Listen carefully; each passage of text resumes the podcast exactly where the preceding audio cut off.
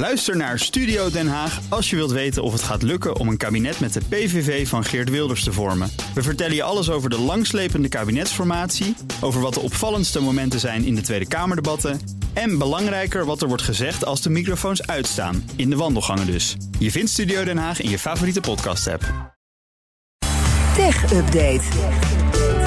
Jo van Buurik is in onze studio om ons weer helemaal bij te praten over het laatste nieuws in tech. Dankjewel, Liesbeth. Ik doe mijn best. Ja, we beginnen met Amnesty International. Zorgelijk bericht, want tal van belangrijke accounts op social media worden bespioneerd door een onverwachte partij. Ja, schokkend. En als je het straks helemaal gehoord hebt, helaas ook niet heel erg verrassend. Als we weten dat het gaat via Meta en X, het oude Twitter.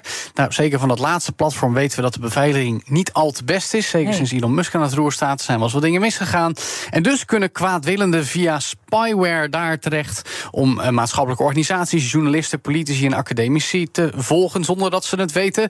Door spyware toe te passen, namelijk het, van het spul uh, met de naam Predator, waarmee je computer gauw geïnfecteerd staat als je één keer klikt op een linkje van een nepbericht. Ai. Ja, dat kan altijd verleidelijk zijn. Kan ook trouwens echt een overtuigend bericht zijn van bijvoorbeeld een Chinese krant. Uh, maar ja, zoals we bij BNR zeggen, blijf scherp, want het ja. werkt op een vergelijkbare manier als de beruchte Pegasus spyware. Bij elkaar zijn zo'n 60 uh, prominente accounts besmet geraakt, waaronder die van de voorzitter van het Europees Parlement, Roberta Metsola. Zelfs de president van Taiwan heeft hiermee te maken. Dit blijkt allemaal uit een onderzoek dat is gehouden in de periode tussen februari en juni van dit jaar. En een partij die je misschien niet direct zou verwachten zit erachter, namelijk hackers gelieerd aan de communistische eenpartijstaat Vietnam. Die kochten namelijk deze Predator spyware in 2020 al van een Franse partij. Is dus okay. in Europa ontwikkeld, dat spul. Wordt allemaal gemeld vanuit een heel uh, samenwerkingsverband, het European Investigative Collaborations. Uh, Amnesty International zit erbij betrokken, ook het Duitse blad Der Spiegel en uit eigen land NRC. Afgelopen dagen is al het een en ander gepubliceerd over deze zaak en dat zal nogal door blijven gaan. Want ja, het heeft eigenlijk uh, wel heel erg uh, vergelijk is met uh, Pegasus over zich. Dus dat betreft denk ik dat we nog meer gaan horen. Dus als je dan Roberta Metsola bent en je twittert Mhm. mm -hmm. of je xt. Ja, en, en je drukt één keer op een verkeerd linkje, dan wordt dan, je telefoon. Dan installeer je software op je eigen telefoon Precies, die alles je, kan meelezen. Net zoals met Pegasus tijd heb je dan nu Predator te pakken op je telefoon en die kan alles van jou bijhouden als ze willen. Door naar een heel ander soort zaak, of eigenlijk meerdere zaken, voor de Amerikaanse rechter. Want Google is er maar druk mee, nu zelfs de topman in een komende zitting is opgeroepen als getuige. Ja, eerst nog eventjes over die mega antitrustzaak die de Amerikaanse overheid voert tegen Google. Want nu moet toch echt die onderste steen boven gaan komen als het gaat om de macht op de online zoekmarkt. Waar Google de advertentieinkomsten als een soort kip met gouden eieren bij zich probeert te houden. Ter waarde van 280 miljard dollar per jaar. Al dat geld zorgen ze natuurlijk ook om. Uh, proberen ze natuurlijk ook te investeren in ontwikkeling op het gebied van AI. Om ook daar hun voorsprong te behouden en uitnutten. Maar nu gaat het ook nog om een andere zaak die gaat aandienen. Vanaf 6 november. En daar moet dan de CEO van moederbedrijf Alphabet zich laten zien, Sundar Pichai. Dit gaat dan om de, ook een antitrustzaak, maar aangespannen door Epic Games. Dat bedrijf achter Fortnite en de Unreal Engine. Dat kennen we nog van die intense strijd tegen Apple twee jaar geleden. Als het gaat om de commissies over elke transactie via de App Store. Maar ja, Google heeft Google Play. Doet eigenlijk hetzelfde verhaal. In 2020, Liesbeth, werd deze zaak al aangespannen. Maar dus aanstaande november gaat hij pas dienen. We moesten even geduld hebben. Ja.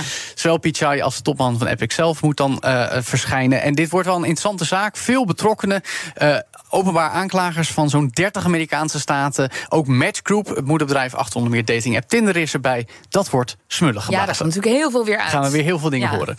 Dan nog even dit, want Google heeft ook iets positiefs teweeggebracht. Notabene voor gebruikers van Samsung telefoons. Ja, nou, dat kun je op allerlei manieren bedenken. Want ja, Samsung gebruikt ook Android, het mobiele operating system van Google. Maar dit gaat om het aantal updates dat je voor je telefoon krijgt. Of beter gezegd, hoe lang. De standaard is tegenwoordig vier of vijf jaar. In ieder geval als het gaat om beveiligingsupdate. Maar volgens de topman van Samsung zou dat wel eens meer kunnen gaan worden. Misschien wel zeven jaar. Net als Google dat nu doet. Het gaat dan dus vooral om beveiligingsupdates. Om bijvoorbeeld te voorkomen dat je spyware op je telefoon Ja. krijgt. We zeiden het al. Maar misschien ook wel updates voor nieuwe features.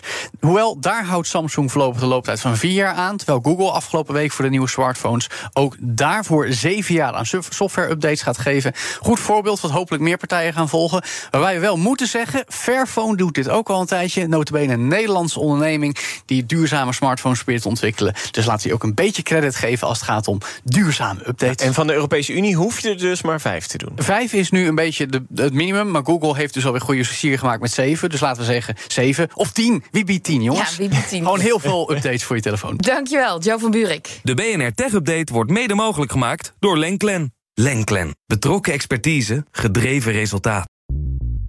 Bij BNR ben je altijd als eerste op de hoogte van het laatste nieuws. Luister dagelijks live via internet. Bas van Werven. En heel langzaam komt de zon op rond dit tijdstip. Je krijgt inzicht in de dag die komt op BNR, het Binnenhof in Nederland en de rest van de wereld. De Ochtendspits. Voor de beste start van je werkdag. Blijf scherp en mis niets.